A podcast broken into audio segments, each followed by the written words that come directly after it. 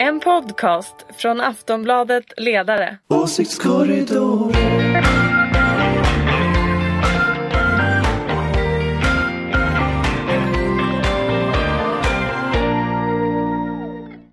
Hej och välkomna till Åsiktskorridoren. Det här är podden där vi pratar om politik och den görs av Aftonbladets ledarredaktion. Vi är inne i valborgsveckan, eller veckan innan första maj som vi kanske tänker på ledarredaktionen. Det borde med andra ord vara vår, men just nu blåser det iskalla nordliga vindar över landet. Frågan är hur det står till med den politiska temperaturen. Med mig för att reda ut det finns Ulrika Schenström, chef för den gröna och liberala tankesmedjan Fores och oberoende moderat. Hej! Hej hej, kul att vara här igen! Anders Lindberg, politisk chefredaktör för Aftonbladets oberoende socialdemokratiska ledarredaktion. Hej på dig! Halloj halloj! Och Malin Malm som just nu arbetar på samma oberoende socialdemokratiska ledarredaktion. Hej! Hej hej! Själv heter jag Ingvar Persson och eh, jobbar också på Aftonbladets ledarredaktion. Idag är det min uppgift att försöka leda det här programmet. Jag tänkte vi skulle börja prata om Kristdemokraternas Ebba Busch. Eh, hon kommer nu att kallas till polisförhör, eh, fick vi reda på i slutet av förra veckan. Misstanken rör som vi vet förtal och det handlar om ett inlägg på Facebook där den kristdemokratiska partiledaren talat illa om det juridiska ombudet för den äldre man hon ligger i en tvist om ett hus med. Efter beskedet så trodde Ekots Fredrik Furtenbach att historien inte skulle skada förtroendet för Ebba Busch långsiktigt. Kan det stämma? Är det inte lite besvärande för en partiledare att sitta hos polisen? Malin? Ja, såklart det är besvärligt. Ehm, jag tror att frågan är väl om hur länge skandalen pågår. Ehm, man kan ju kolla på skandaler tidigare i, i den politiska historien och det, det varierar ju hur nära valet är, om hur, hur mycket inflytande det har på faktiskt valresultatet. Men som det ser ut nu, alltså med väljarstödet för Kristdemokraterna, eh, det här mönstret av att låta sin vinnarskalle överstiga sitt omdöme, det är ju inte en bra bild av en politiker på en topposition att visa för väljarna. Vad tänker du Ulrika? Nej men jag håller med om det. Sen, sen är ju jag alltid sådär du vet översynisk. Jag tänker så här, är det någon som har gjort så här, är det någon så här, som har hittat på någon sån här superplan? Eller har det bara gått överstyr och hennes medarbetare kan inte prata ordentligt med henne? För det, tänk om hon skulle vinna det här det, det, skulle hon ju gå ganska liksom, stadigt ur det här. Jag tycker att det verkar helt vansinnigt. Hade jag jobbat med en partiledare igen och den hade tyckt att det här var en bra idé så, så, så hade jag i allra högsta grad sagt att det här lägger vi ner nu. Jag har ju ändå jobbat med Bo Lundgren som började bråka om en kakelugn en gång i tiden och det stoppar vi. Så man måste ju våga säga nej till sina, sina, sina chefer också. Och, eh, så det här, men jag, jag tror ju på sikt att det här är faktiskt väldigt, väldigt dåligt. En större partiledare och ett mindre problem, men ni som det i alla fall. Ja, alltså, jag menar, det är inte bra att hänga hos polisen eh, ifall man ska ha förtroende. Så jag tror att det här har gått lite, ja, antingen har det bara gått överstyr för att medarbetarna inte har kunnat säga till henne, eller också så finns det någon plan. Ja, skulle den planen kunna vara att man väl kanske vill ha en partiledare som eh, står på sig och slåss för sin sak. Det verkar väl bättre att ha henne i det egna laget än i motståndarlaget. Hur menar du då? Vad, säger, vad, vad då? Jag menar, hon står ju på sig. Ja, och det är det jag säger, att det kan ju faktiskt också vändas till hennes fördel ifall det är så att hon vinner det här. Det är det jag menar. Men ja. i generella ordalag så skulle jag inte tycka att det är en bra idé att partiledare hamnar i, i liksom kläm med rättvisan, så att säga. Det verkar dåligt. Polisförhörsceller är inget för partiledare. Nej, jag tycker inte det rent generellt. Men som, som jag har sagt nu, för tredje gången Ingvar, ja. så att förstå? Nej, jag försöker förstå. Anders, hur ser du på det här? Nej, men jag vet inte. Jag tror det beror på hur det går. Alltså, jag tror att det, det hänger väldigt mycket på, på eh, eh, verkligheten här. Det, det, är en sån här tråkig situation där du kan inte riktigt kontrollera eh, som politisk liksom, operatör så kan du inte kontrollera alla, alla rörliga delar här. Utan, utan eh, blir hon åtalad så är det klart att det blir en situation som blir väldigt svårhanterlig. Eh, och jag tror att Kristdemokraterna försöker ju spinna just nu, eh, eller någon spinner då, vi kan ju gissa att det är de som spinner, men någon spinner, eh, att det här inte kommer att påverka. De spinner, jag såg någon snurrade grej på Twitter här med att eh, eh, vad är det för konstig förtalslagstiftning vi har? Får man inte säga saker som är sanna om folk och sådär? Alltså det, det pågår en massa sådana snurr runt omkring eh, ute. Och det där kommer ju media att fånga upp. Så jag, jag tror vi kommer att se fler som kommer att komma med så här initierade analyser av typen det här kommer inte att påverka någonting, det här är bra för att hon står upp, eh, det är en feministisk kamp och sådär. Alltså den där typen av grejer. Vi kommer att se mycket sånt tror jag. Men jag tror att i slutändan så spelar det där ingen roll. Därför att, därför att det, domstolsväsendet läser nog inte Twitter i någon hög utsträckning. Och det, det som kommer att avgöra är liksom håller fallet eller inte och det vet ingen. Eh, uh, förtalslagstiftningen är ju konstruerad på ett sätt som normalt sett gör att man inte driver, att inte åklagare driver sådana här mål. Så att, så att, utan det gör, får man göra själv. Och det, det, Når det här upp till gränsen för där åklagare ska driva det? Kanske, kanske inte. Jag, skulle, jag tror det är oerhört osäkert att det överhuvudtaget blir ett åtal. Men blir det åtal, då tror jag det blir problem. Men det är förtalsmålet som är problemet, inte problemet med huset? Jag tror att husproblemet är ett problem som handlar om bilden av det. Om det inte är så att det finns några allvarliga formella fel på det där avtalet som hon har tecknat så har hon ju fått huset. Hon får ju huset på det, antagligen. Antagligen har hon ju rätt, det vet vi inte förrän det målet heller är avslutat. Men antagligen har hon ju skrivit på ett avtal som gäller. Eh, det andra är mycket mer problematiskt därför att det handlar om, om eh, på något sätt hur långt är man beredd att gå som partiledare? Eh, det är ju en normal metod mellan politiker att man eh, framställer obehagliga saker om varandra. Det gör ju politiker hela tiden. Men här använder hon den metoden mot en, ett ombud i en hustvist. Och det tror jag inte alls är lika säkert att folk accepterar. För politiker kan försvara sig. Maktobalansen är så enorm. Liksom.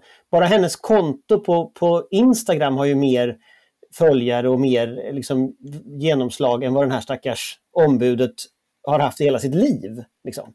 Så maktobalansen är så enorm mellan en partiledare och en parti, partimaskineri och den här personen då, hans, hans ombud. Och Det tror inte jag folk liksom uppskattar att man använder den typen av metoder som hon har använt här. Då. Och Det kan nog slå tillbaks mer, tror jag. Men jag, jag vet inte, det är, liksom, det är svårt att säga. Jag tror att det hänger på hur, hur målet går. Hittills har det väl inte synts eh, några, det är klart det är svårt att få några dramatiska utslag i Kristdemokraternas siffror. Alltså går man tillbaka två år i tiden, eller ett år i tid, drygt ett år i tiden, eh, och tittar in, innan, innan förra, eller innan förra EU-valet, om man går tillbaka till den punkten, så låg ju Kristdemokraterna på tvåsiffriga tal. Sen har de ju Sen dess har nästan all rapportering om Kristdemokraterna handlat om två saker. Det ena är det här bråket om Lars Adaktussons röstande fram och tillbaka, hur han har röstat. Där, där då Dagens Nyheter säger att han har röstat ett visst antal gånger, nu kommer jag inte ihåg hur många de var, eh, i abortfrågor på ett sätt som de ifrågasätter. Han säger att han inte alls avsåg att rösta på det sättet, utan han, ville, han var inte mot abort, han ville bara att abortfrågan inte skulle upp på EU-nivå. Och därom tvistade de två sidorna. Och där har de tvistat sedan dess. Så det är det ena stora nyhetsflödet som har varit. Och det andra är hennes husaffär och den här eventuella förtalshärvan. Och det är klart att du vinner ju inte inga väljare på det. Och hela under den perioden har de ju gått från tvåsiffrigt ner till nästan under riksdagsspärren. Mm. Så summan av det här har ju haft den effekten, skulle jag säga. Och det kanske är så att alla har gjort allt rätt i KD från början till nu. Det är inte otänkbart. Men medialt så ser det ju inte jättebra ut för dem. Ja, men och, och det här överskuggar då frågan till exempel om regeringsbildningen. För det var väl det som förde upp Kristdemokraterna till tvåsiffriga tal. Att, alltså, att man, min, tolkning, min tolkning den är att det som förde upp dem till tvåsiffriga tal det var nog Ebba Busch. Alltså hon fick ett genomslag i debatten på ett sätt med sin personliga stil och sitt personliga liksom, uppträdande som var väldigt positivt för partiet och som gjorde att partiet gick upp väldigt mycket. Och eh, Sen så har ju det successivt malts sönder. Och frågan är ju, kan hon få tillbaka den star qualityn eh, inför en valrörelse? Kanske, men det ser väl allt mindre sannolikt ut så. Det här husfallet ska väl inte avgöras heller förrän i höst någon gång. Så hela 2021 så kommer vi att prata om, om det här. Men alltså, så, här, så måste man göra så här. Alltså, hon, de har ju alltså gått ner. Det ligger ju i senaste sifon väl på typ 4,3 så att det är ju KD, MP och L, eller MP, KD och L som alla har problem. De, de ska räknas in i den, den skaran? Ja, men jag tror det, för 4,3 är väl inte stabilt? Nej. Sen har väl Kristdemokraterna alltså, haft en tradition att ofta ligga eh, Jo, dåligt. jag vet alltid ligga liksom på, på ruinens brant och sådär, absolut, och, och, har, och, har, och har is i magen och de är bra på det och har det också. Men de brukar ju liksom komma med kändisar ibland och de kommer med någonting som ska göra att, att man i alla fall kommer över 4 spärren. Men jag vet inte, den här, den här grejen tror jag kan ligga i fatet så att säga.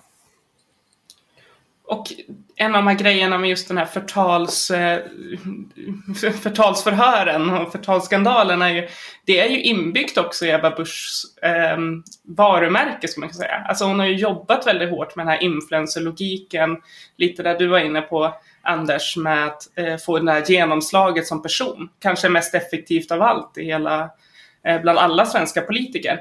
Och alltså den här sortens Facebook-status som hon skrev är inte okänt i, i influencervärlden. Eh, det är bara det att det, när det krockar med det politiska och det blir en del av det politiska spelet, då, då har ju liksom den här influencerpersonligheten också, eh, det, det, har lett till att den här skandalen har vuxit fram. Och det är ju det som blir intressant om den här motsättningen mellan den här influencerstrategin, sociala medier som med personligt varumärke som de jobbar med väldigt hårt i Kristdemokraterna.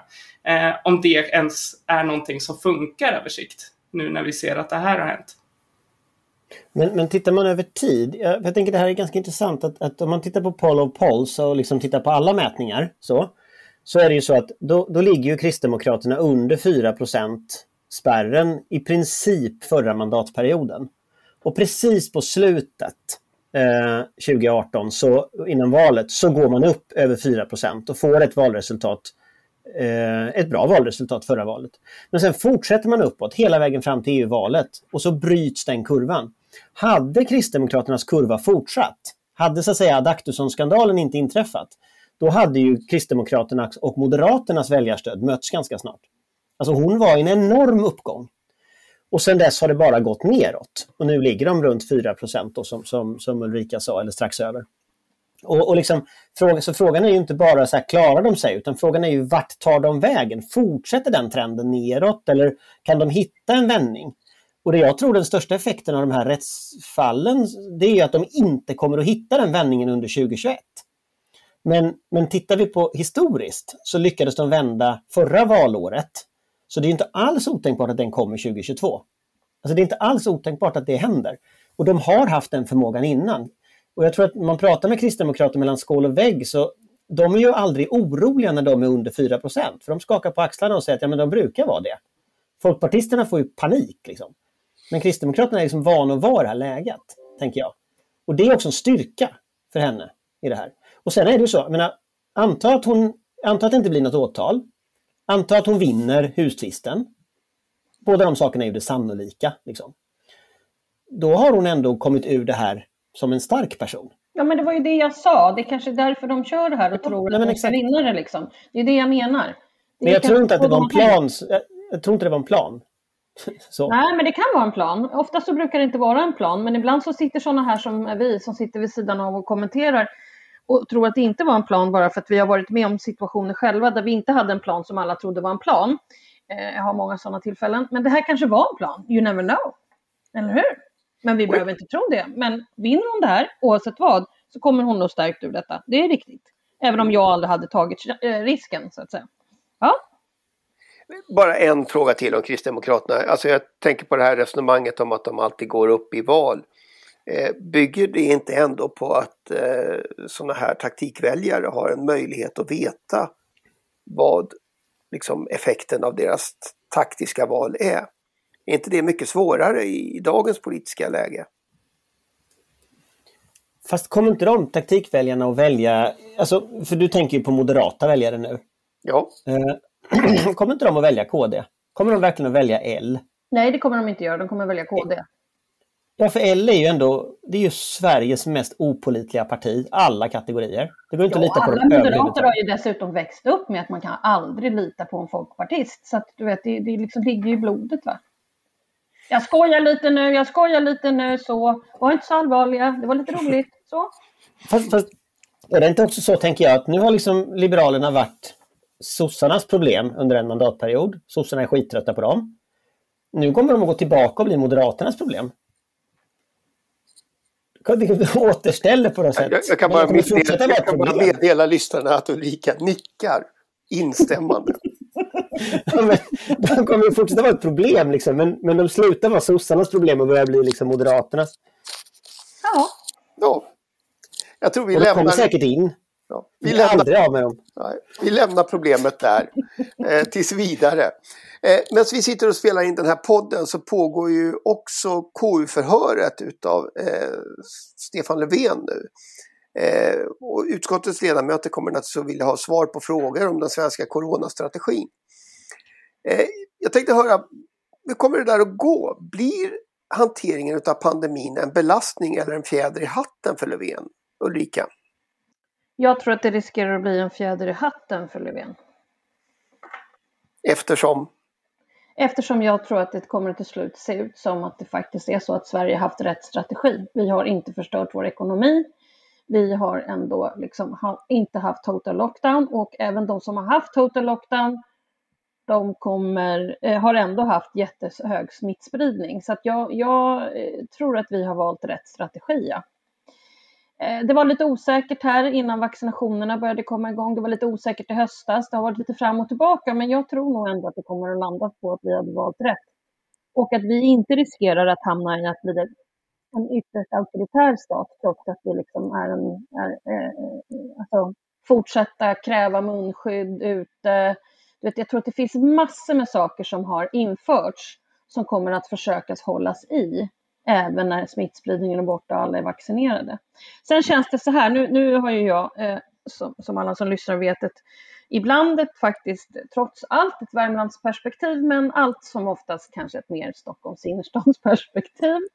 Eh, men runt mig kan jag säga att jag tycker det känns ganska positivt helt plötsligt med vaccinationerna, att det har faktiskt börjat rulla på rätt bra. Även i Stockholm där det har varit ganska aggressivt om jag ska vara ärlig, där folk har trott, ty, tyckt att det varit riktigt stor, riktig skit så att säga.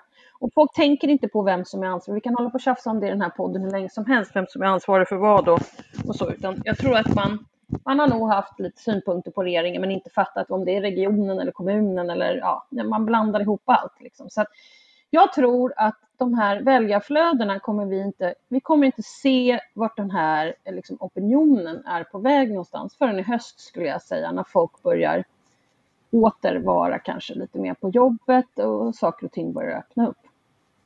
Så tror jag. så tror du, Malin? Nej, men jag, jag instämmer i mångt och mycket med Ulrika. Det är fortfarande tidigt att se. Eh, men jag har inte uppfattat att oppositionen har lyckats formulera ett trovärdigt svar heller på, på den sena kritiken mot regeringens pandemihantering eh, som, som inte fanns överhuvudtaget i början.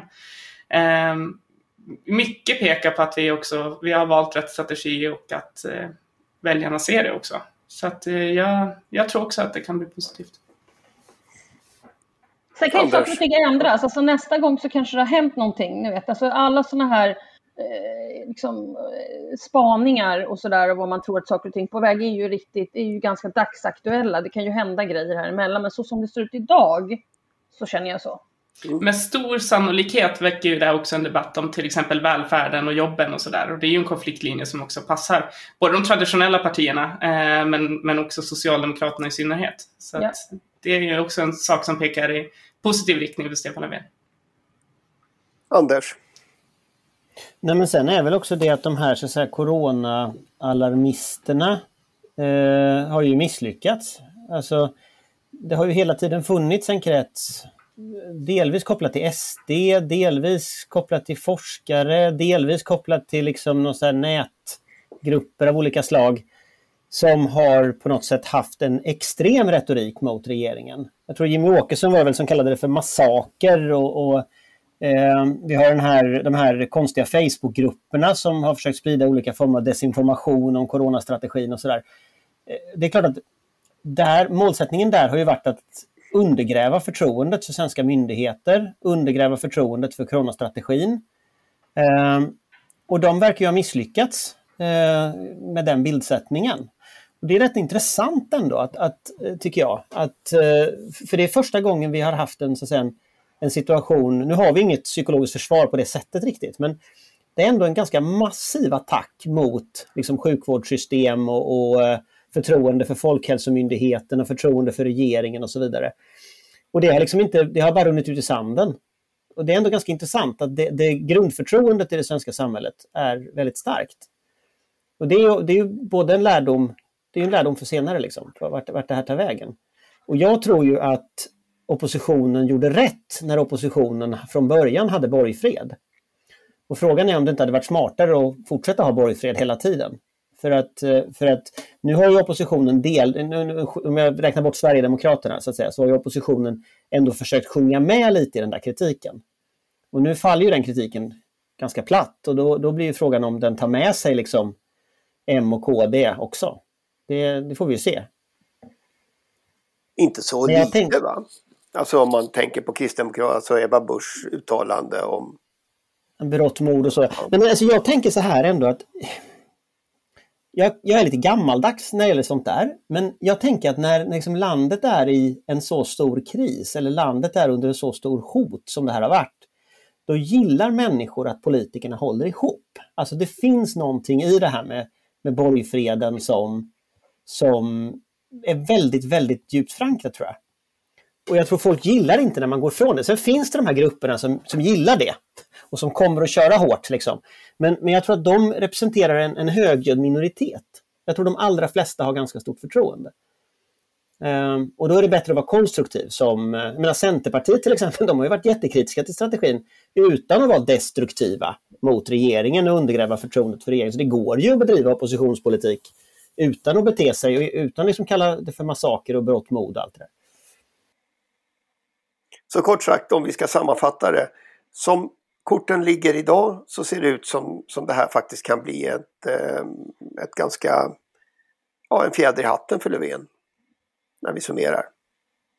Ja, alltså så fort folk känner sin, sin, liksom sin frihetskänsla när de har fått vaccin och sådär. Jag, jag, jag, kan, jag, kan, jag har faktiskt varit med om grejer där man ser denna enorma lycka. Jag var, jag var på Hon skulle köpa flaska vin och då träffade jag på en tant som stod vid kassan där. Hon hade köpt en sån här småsnaps ehm, eh, sån här små snapsar så, förpackning. Och så satt hon på sin rullator och så pratade hon med alla på hela Systembolaget som stod där och sa att nu, nu, sa jag, nu ska jag fira. Hade, hon var säkert i 90-årsåldern och var så otroligt lycklig.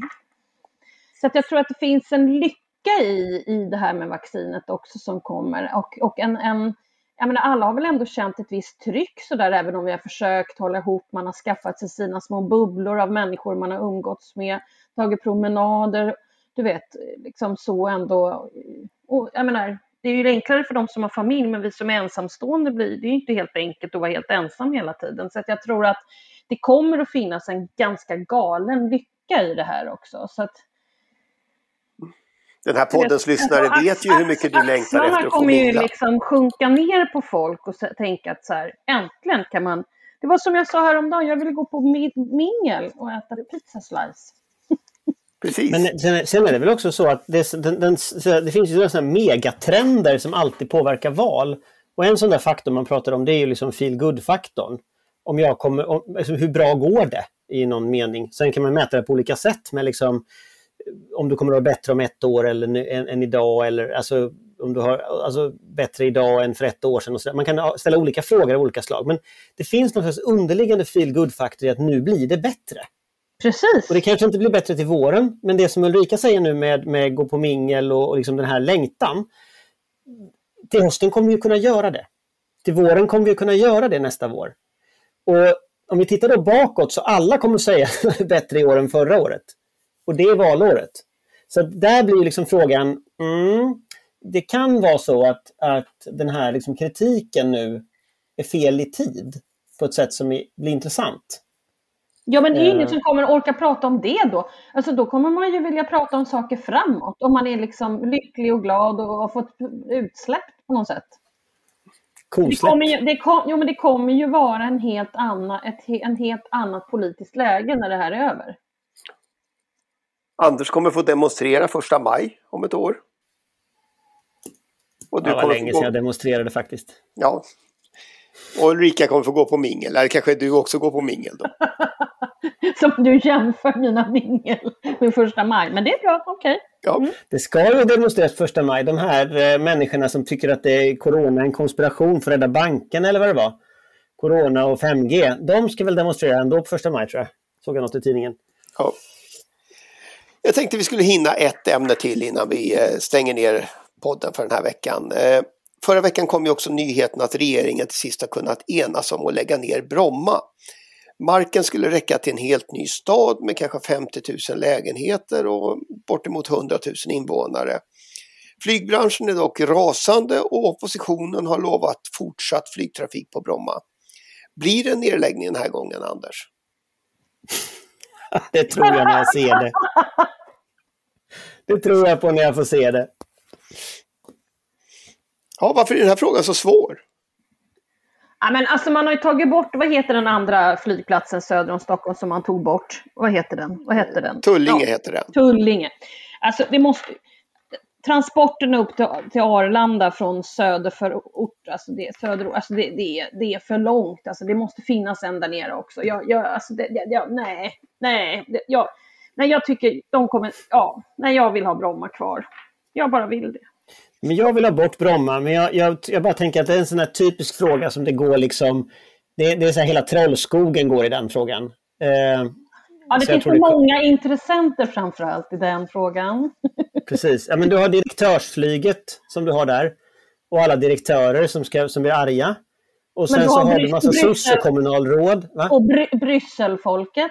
Ja, sen har du sosse, precis, och Brysselfolket. Du har sossekommunalråd från liksom massa ställen som också vill ha egna flygplatser och de ska allihopa flyga till Bromma så de får ingen flygplats hemma heller utan Bromma. Nej, då så blir det, det finns en. Mm. sån maffia liksom, värld, en hel värld av maffiamänniskor som absolut vill ha kvar Bromma. Så det är, det är svårnedlagt, även om man borde lägga ner det så det är svårnedlagt. Sen, sen visar det sig ju nu att eh, det verkar inte vara någon som flyger ändå. Trafikverket säger ju att det kommer ta till 2027 innan flyget har återhämtat sig. Nej, men det är ingen som kommer att flyga, den kommer att ligga där Bromma utan att någon flyger där. Det kommer att vara en politisk låsning som de här gamla övergivna platserna i. Östtyskland som ingen bygger på.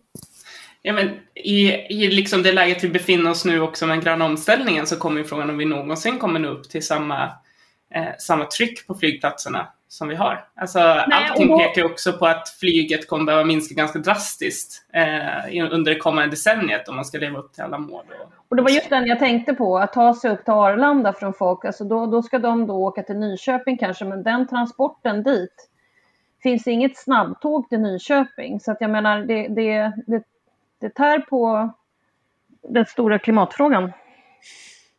Nu är det väl det man ska bygga men det är ett annat ämne.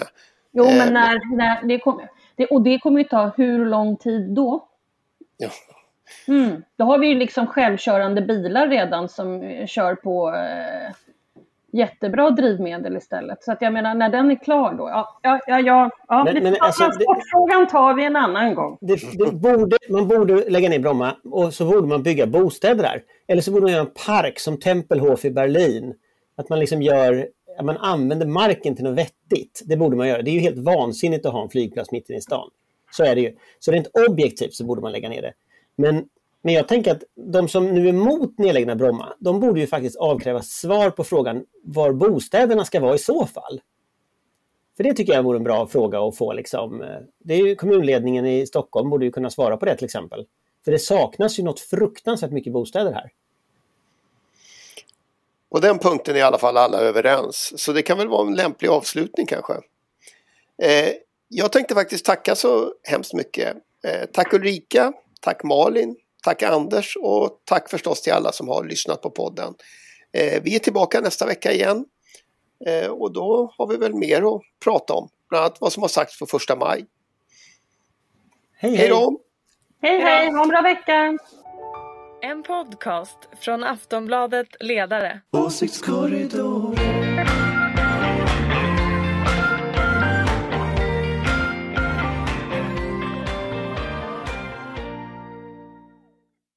Du har lyssnat på en podcast från Aftonbladet. Ansvarig utgivare är Lena K Samuelsson.